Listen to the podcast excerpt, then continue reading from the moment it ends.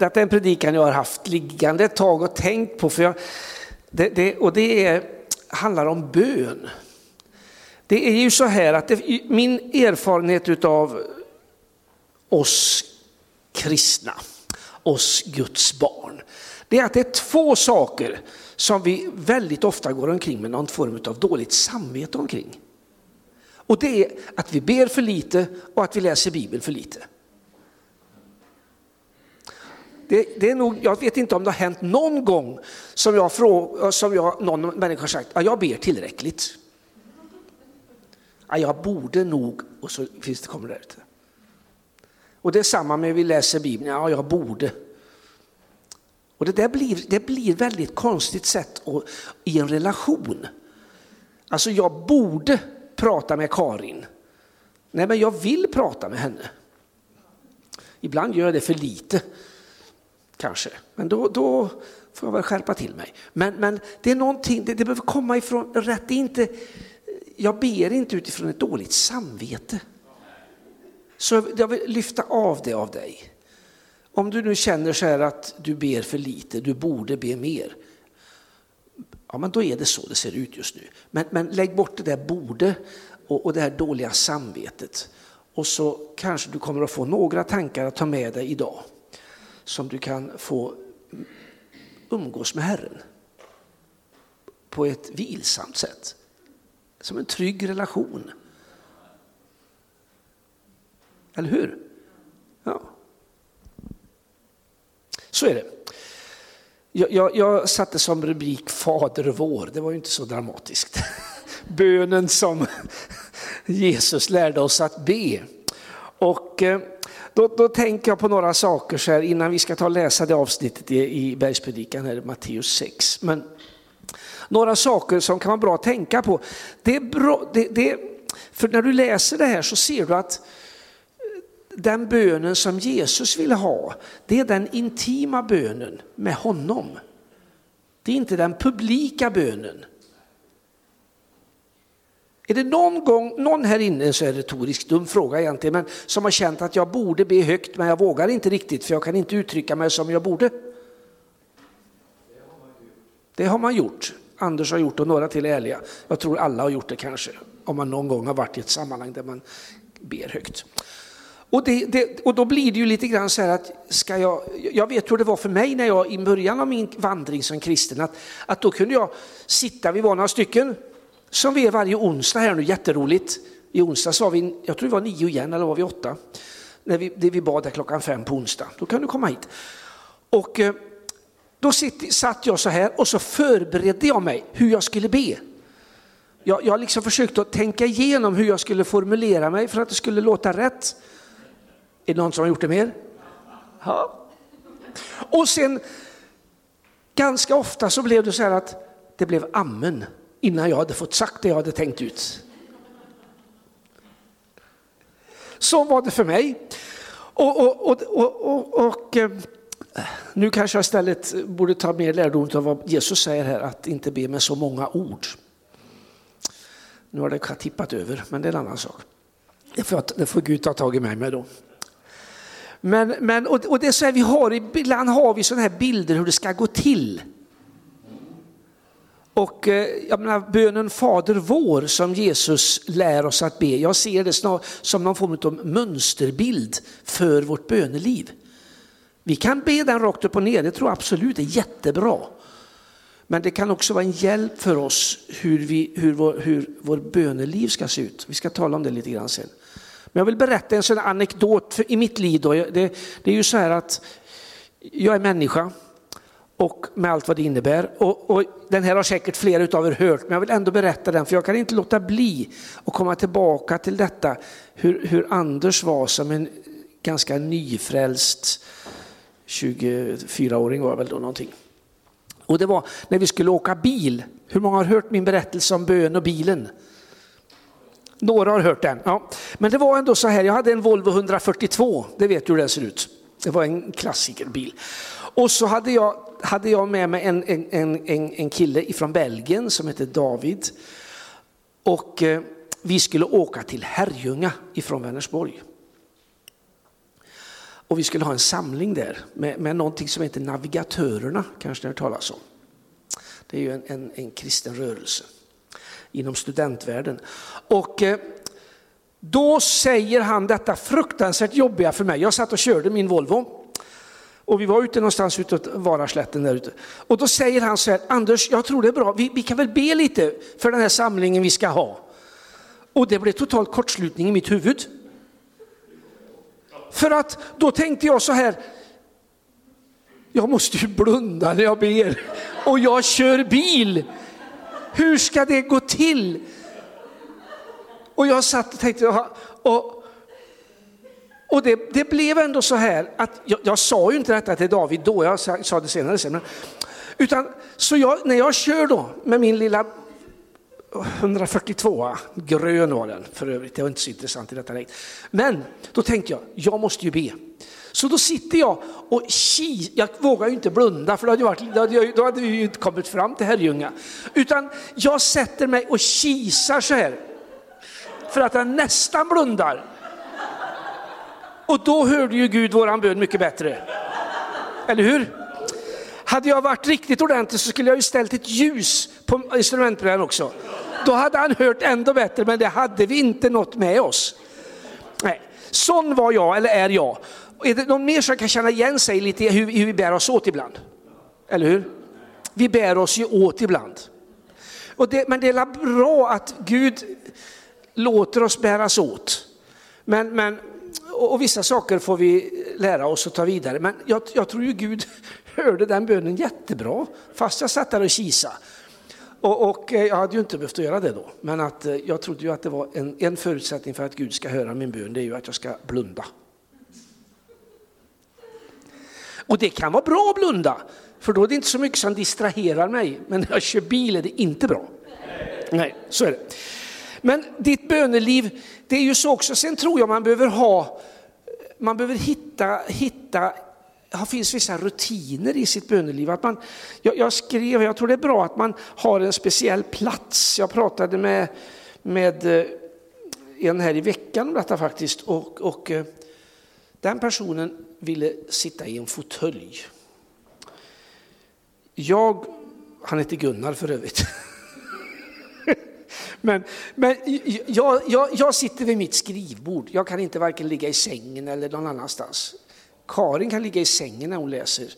Men jag kan inte ligga i sängen, jag får ont i nacken och konstigt. Och det blir fram och där bak. Men du behöver, jag tror det är bra att ha en, en någon fast plats.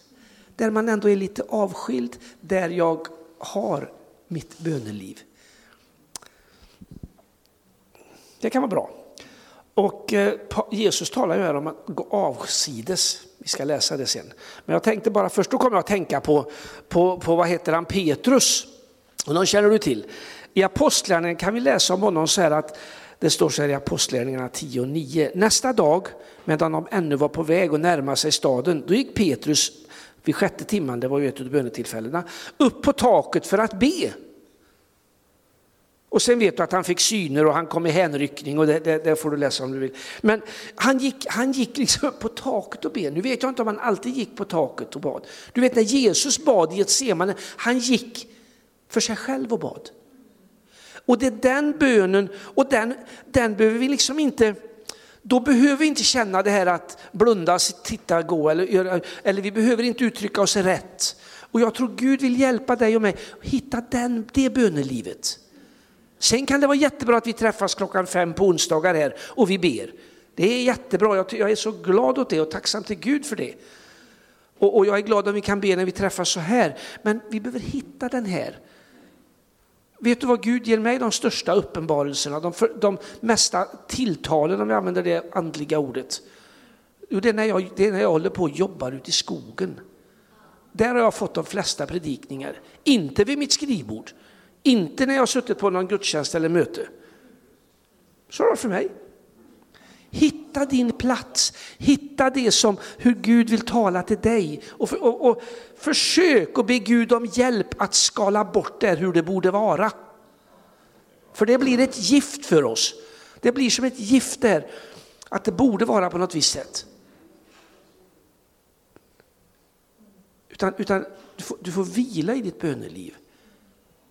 Du får vila i din relation till Herren. Han är en god far.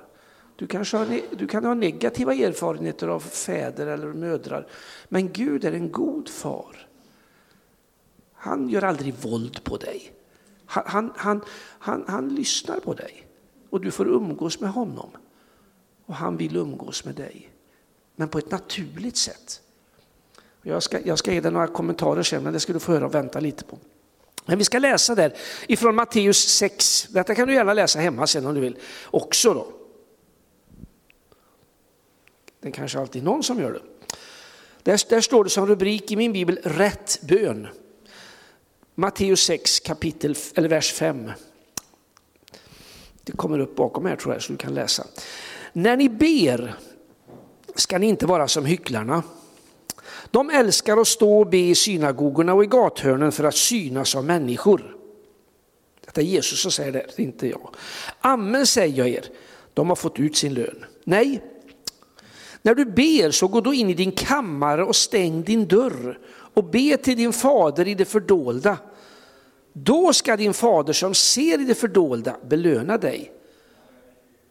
Och när ni ber så ska ni inte rabbla långa böner som hedningarna.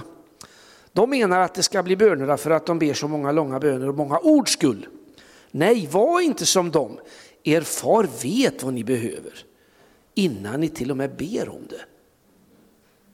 Det är liksom inledningen till det som vi då kallar Fader vår, Herrens bön. Nej, så här ska ni be, säger Jesus. Fader vår som är i himmelen. Helgat bliv eller vare ditt namn. Kom ditt rike, ske din vilja på jorden liksom den sker i himlen. Ge oss idag det bröd vi behöver för dagen och förlåt oss våra skulder så som också vi förlåter de som står i skuld till oss. Och för oss inte in i frestelse utan fräls oss istället från det onda. Och sen har vi, har vi det här slutet då som liksom inte finns med här.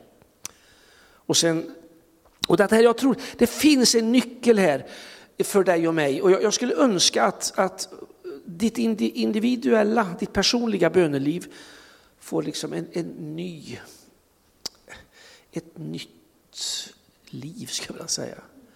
Och, men också att vårt församlingsböneliv får också att, att, något nytt. Att det, är, att det är obehagliga, den obehagliga filten som den onde vill lägga över oss, att, den, att vi inte tar emot den. Vi, vi lägger den åt sidan. Vi umgås med Herren förtroligt.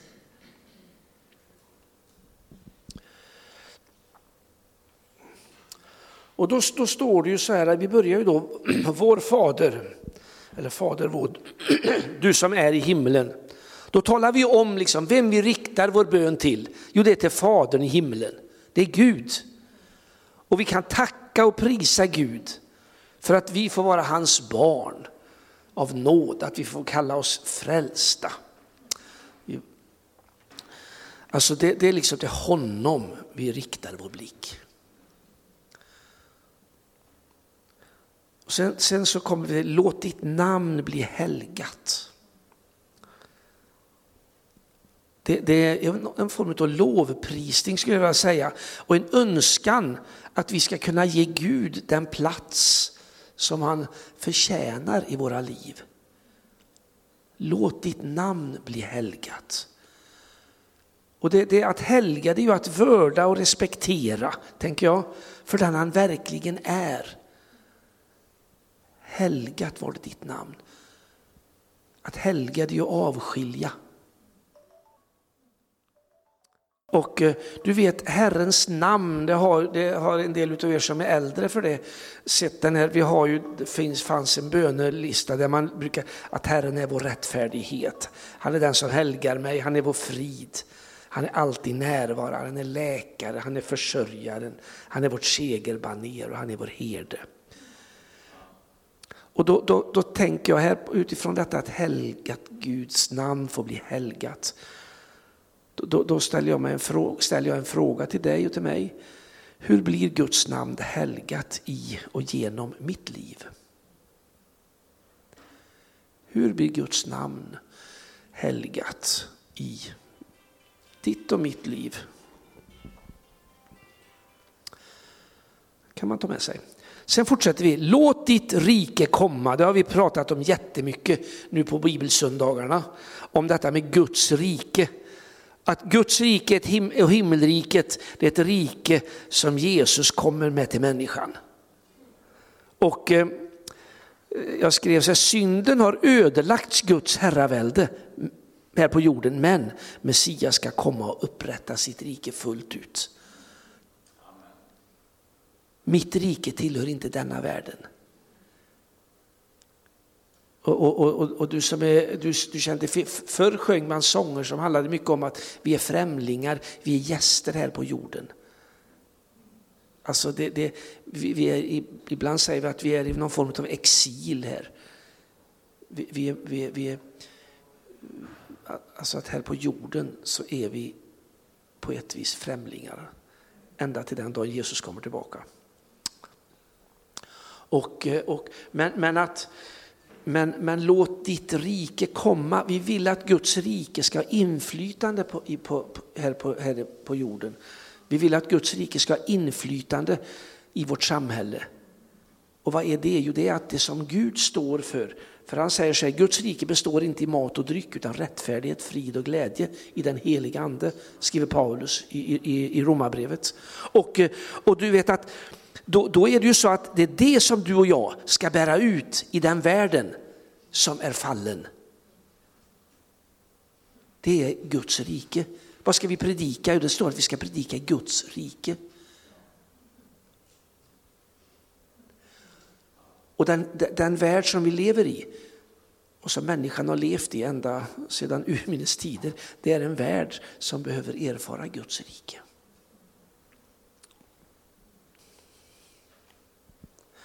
Jag skrev så här också att i Jesu person så är den kommande världens krafter, alltså det när, när Jesus kommer tillbaka, men då är den kommande världens krafter redan tillgängliga och bryter in i den nuvarande världen. Alltså att, att, att i Jesus Kristus så, så finns den kraft som besegrade döden, det vet vi. Och den kraften får du och jag vara bärare av i den fallna världen som vi lever i. Och, och, och, vi får bära Guds rike. Vi får vara Guds rikes ambassadörer kan vi säga. Guds rikes representanter. Där vi, där vi representerar honom. Inte oss själva, inte fristaden, utan honom.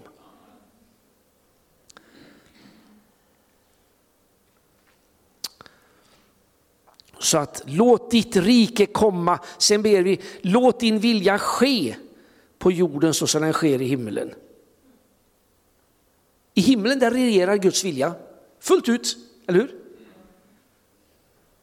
Och då är den bönen är ju att vi önskar att samma vilja ska få regera här på jorden. Och hur ska den göra det? Då kommer den andra frågan. Hur blir Guds rike synliggjort i och genom ditt och mitt liv? Då är det ju Jesus i oss. Den heliga ande i oss. Men vi, har, men vi lever vårt liv och hur blir Guds rike synliggjort i ditt och mitt liv? Förhoppningsvis genom rättfärdighet, frid och glädje i den heliga ande. Är du en surkart, då kanske du inte riktigt representerar Gud på ett värdigt sätt. Är du en klagesam nisse eller nissa som bara ser problemen i allt och alla, då kanske det behöver gå ett varv med Herren. Det betyder inte att allt är bra. Men jag tror att Gud vill visa oss någonting. Ja. Låt din vilja ske på jorden så som i himmelen. Ge oss idag det bröd vi behöver då tackar vi Gud. Vi, och vi, vi räknar med att Gud är vår försörjare. Och brödet här syftar ju på många saker kan man göra. Egentligen syftar det på alla behov vi har. Ibland bara tänker vi att det är ordet, ja det är, en, det, det är brödet, Jesus är livets bröd. Det kan vara ett fysiskt bröd. Men, men jag brukar säga så här, sen kanske jag inte alltid lyckas att leva så, men jag brukar säga så här, jag önskar att mitt liv vore så att, att, att Jesus är, är ju svaret på allt i mitt liv. Jag, jag kan nog vara ärlig och säga att jag lever inte alltid så fullt ut. Men min önskan är att leva så. På varje livets område. Det finns inget område som inte Gud är intresserad av i mitt liv. Det finns liksom ingen del av livet som skulle vara mindre angeläget för Gud.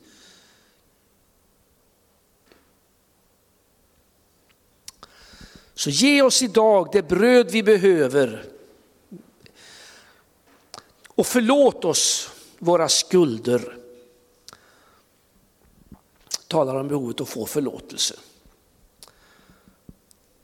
Och, och förlåtelse, det brukar jag tänka, det innefattar både bekännelse och ånger. Man behöver bekänna det som man vill ha förlåtelse för. Men man behöver också ångra sig. Det handlar inte om att säga eller tänka förlåt då. Det betyder kanske inte något. Utan, utan det, behöver, det behöver på något vis landa i en ånger också.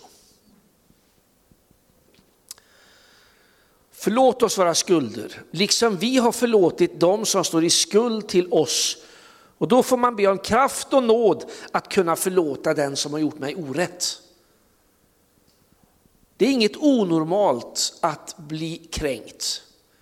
Det är inget onormalt att bli illa behandlad, utan det ingår i konceptet att vara människa. Tror du att du är unik om du blir illa behandlad, blir sviken, blir kränkt? Då har du en fel bild av det. För det finns ingen människa som inte blir det. Det betyder inte att det är bra. Men det är, inget, det är inget onormalt i att vara människa. Jag har aldrig blivit sviken. Den människan finns inte. Jag har aldrig känt mig sviken för det. Eller jag har aldrig känt mig felbehandlad.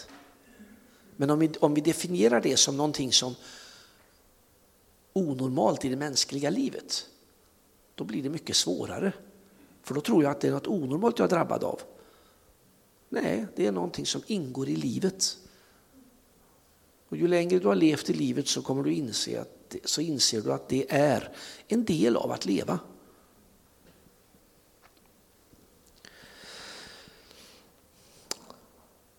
Men be om kraft att kunna förlåta. Och när vi ser vidden av hur Gud har förlåtit oss, då blir också andras oförrätter mot mig så mycket mindre. Vi, vi har ju de här exemplen i, i ordet här, att Fader förlåt dem för de vet inte vad de gör. Och det var ju ganska brutala saker man utsattes för då, att bli, att bli stenad. Det var ju liksom inte någon, du är dum, eller du får inte en glass. Men det får han. Men, men, men att, här, att, drabbas av oförrätter, det ingår i livet. Men, men jag tror att när Guds kärlek, som Gunilla läste, när den får ockupera mig, impregnera mig, då är det mycket lättare att förlåta. Det kan fortfarande vara svårt, men det är mycket lättare att förlåta. Och, och här får du en fråga. Eller du ska få två frågor om förlåt faktiskt. Den ena frågan är ju så här, när har du svårt att förlåta? Alltid kan man säga då. Om man... Eller också tycker man inte det. Men det, när har du svårt att förlåta? Och sen skulle jag vilja säga en kommentar till det här med förlåtelse. För ibland så i våra kristna sammanhang, och inte bara här utan överallt, så blandar man, man ihop begreppet förlåtelse och förtroende. För bara för att en sak är förlåten så finns, behöver inte förtroendet finnas. Om nu säger att en person gör mig väldigt illa och eh, den här personen kanske inte ens ber mig om förlåtelse, den kanske inte vet att han har förlåtit mig. Eller att han har gjort mig illa en gång, det, det vet ju inte jag. Men, jag. men jag i mitt hjärta uttalar, jag förlåter den här personen. Och då tror jag det händer någonting i andevärlden, i mig och i vår relation. Men förtroendet är inte återupprättat på grund av det, utifrån det. För förtroende är någonting som kan, det tar lång tid att bygga upp.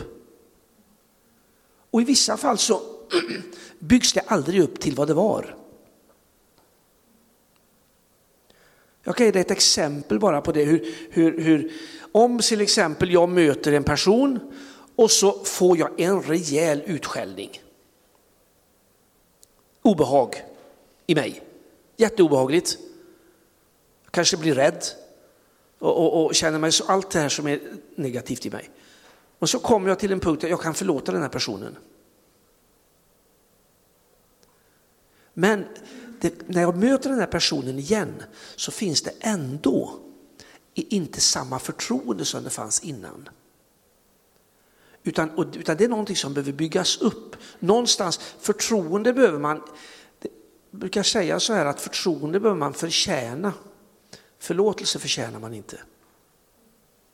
Men förtroende, det måste man på något vis visa att man, att man, man är värd. Och, och jag tror att det där är jätteviktigt, inte minst i våra kristna sammanhang. Men det gäller generellt i sam, samhället och i mellanmänskliga relationer. Att, att just att, att vara medveten om att förtroende inte är en självklarhet. Och att det går väldigt fort att riva ner förtroende. Du kanske, har, du kanske ser situationer framför dig. Människor som situationer som du känner dig har upplevt ett väldigt obehag i. Och, och, och så, och så och, och då har det, förtroendet inte upprättat. Det är förlåtet, det är försonat. Men det är, två, det, är två, det är två saker som hänger väldigt intimt ihop. Det måste börja med förlåtelsen. För utifrån det så kan det ske ett, börja ett förtroende upprättas. Men man kan inte säga att det är förlåtet så var det som det inte har hänt. Det är inte, jag kan inte se någon sanning i det faktiskt. Det tror jag är en lögn får du, får du pröva. Men när har du svårt att förlåta? Sen fortsätter vi. Och utsätt oss inte för prövning utan rädda oss från det onda. Vi ber om Guds beskydd helt enkelt över våra tankar, vår tunga, över, över hela livet. Och då tänker jag spontant på vapenrustningen som Paulus talar om i Efesierbrevet. Alltså att, att eh, det finns ett beskydd i Herren. Och eh, beskyddet finns i Herren men också i relationen mellan oss människor. Jag tror att, att, eh, att vi behöver goda relationer med Herren men också med varandra. Och det, det är intimt sammanknippat. Jag brukar säga så här att jag, jag, jag, tror, jag tror inte man kan ha en bra relation med Herren och dåliga relationer till sin mänskliga omgivning. Det funkar inte. Det funkar inte. Det betyder inte att jag älskar alla fullt ut. Att jag är liksom, det, det, det är inte, men, men jag kan inte gå omkring med massa dåliga relationer och samtidigt säga att jag har en relation, bra relation till Herren. För min, min, min, bra, min goda relation till Herren den är också kopplad till att jag är sammankopplad i något större som vi kallar församling, Kristi kropp. Och då är jag en del av något större än mig själv. För Gud tänker inte så mycket bara jag, utan han tänker att jaget är inkopplat i något större som är ett vi. Som vi kallar församlingen, Guds församling, Kristi kropp, kyrkan, vad vi nu kallar det för. Men vi ber att vi inte ska behöva utsättas för mer prövningar än nödvändigt. Sen ingår ju det också i livet. Det vet du. Och då har ju inte Jesus aldrig sagt att vi ska slippa prövningarna. Men däremot har han lovat oss att bära igenom. Bära oss igenom. Han ger oss det vi behöver för varje situation. Det får jag lita på. Och då, då, då kommer jag också tänka på Paulus igen här, då det är hela Romarbrevet 7, där kan du läsa flera tillfällen där Paulus säger att det goda jag vill göra det gör jag inte, men det onda jag inte vill det gör jag. Ibland blir det som inte vi önskar. Åtminstone i mitt liv. Så får du stå till svars för ditt liv. Och eh, då kan man ställa sig frågan, vilka frestelser brottas jag med? Vad brottas du med för frestelser? Du behöver inte säga det offentligt, de här frågorna behöver du inte svara på ett här, utan, men du kan inför Herren, var ärlig. Vilka frestelser brottas jag med? Och sen avslutar vi den här bönen med ditt är riket, din är makten och äran i evighet. Det kan man ta, liksom, man kan tacka Gud för att han är större än mina omständigheter, att han är allsmäktig Gud, han har skapat himmel och jord, han har skapat alla människor och Jesus har vunnit seger över dödens makt på korset. Vet du? Allt det här kan vi bara, ditt är riket, din är makten, din är äran.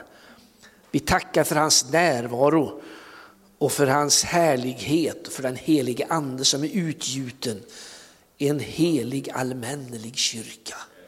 Det heliga samfund. Att jag, lilla Anders, att vi, lilla fristaden, att få vara inympade i något så mycket större. Den allmänneliga kyrkan. När det får uppenbaras, då får det konsekvenser i mitt liv. Hur jag ser på mina syskon. Nu ska vi avsluta strax. Men då ska jag bara ge dig några tankar som jag, som jag sa. För jag sa att jag tror Herrens bön är lite grann en mönsterbön. Hur man kan forma sitt eget böneliv. Det kan vara hjälp. Jag har gett dig lite infallsvinklar här nu, det finns mycket mer. Jag tror Herrens bön också, den visar på att den är kort. Det är inte massa upprepningar i varje mening. Jag skrev så här, det, det är inte Jesus i varje mening. Ibland så blir det liksom att vi tror att en lång bön, men det säger Jesus att det inte är så, men en lång bön skulle ha större verkan. Eller om jag säger Jesus många gånger, då skulle den ha större kraft. Det är ju inte sant. I min mänskliga känsla kanske det kan vara så, men det finns ingen grund för det. Tror jag. Och jag kan inte se det här heller. Nej. Och sen då en sak som jag har varit med om själv, jag har nog gjort det själv också någon gång, förlåt mig, men att jag har hört det ganska ett antal gånger för det, att vi försöker att be, be rätt den som har formulerat sig fel i sin bön. Det var någon som bad högt och så bad den inte riktigt som man borde göra. Använde inte rätt ord, sa kanske inte Jesu namn på slutet och kanske någonting. Och då måste jag ju i min iver be till rätta så att det blir rätt. Och det blir så barnsligt så det inte är klokt, men så mänskligt. Ja. Jag tror att Gud hör oavsett hur jag formulerar mig. Till och med om det bara är en tanke. Vet du. Till och med om det bara är en tanke. Sen tror jag det kan vara bra att uttrycka det med ord. Men, men nu ska vi praktisera bön.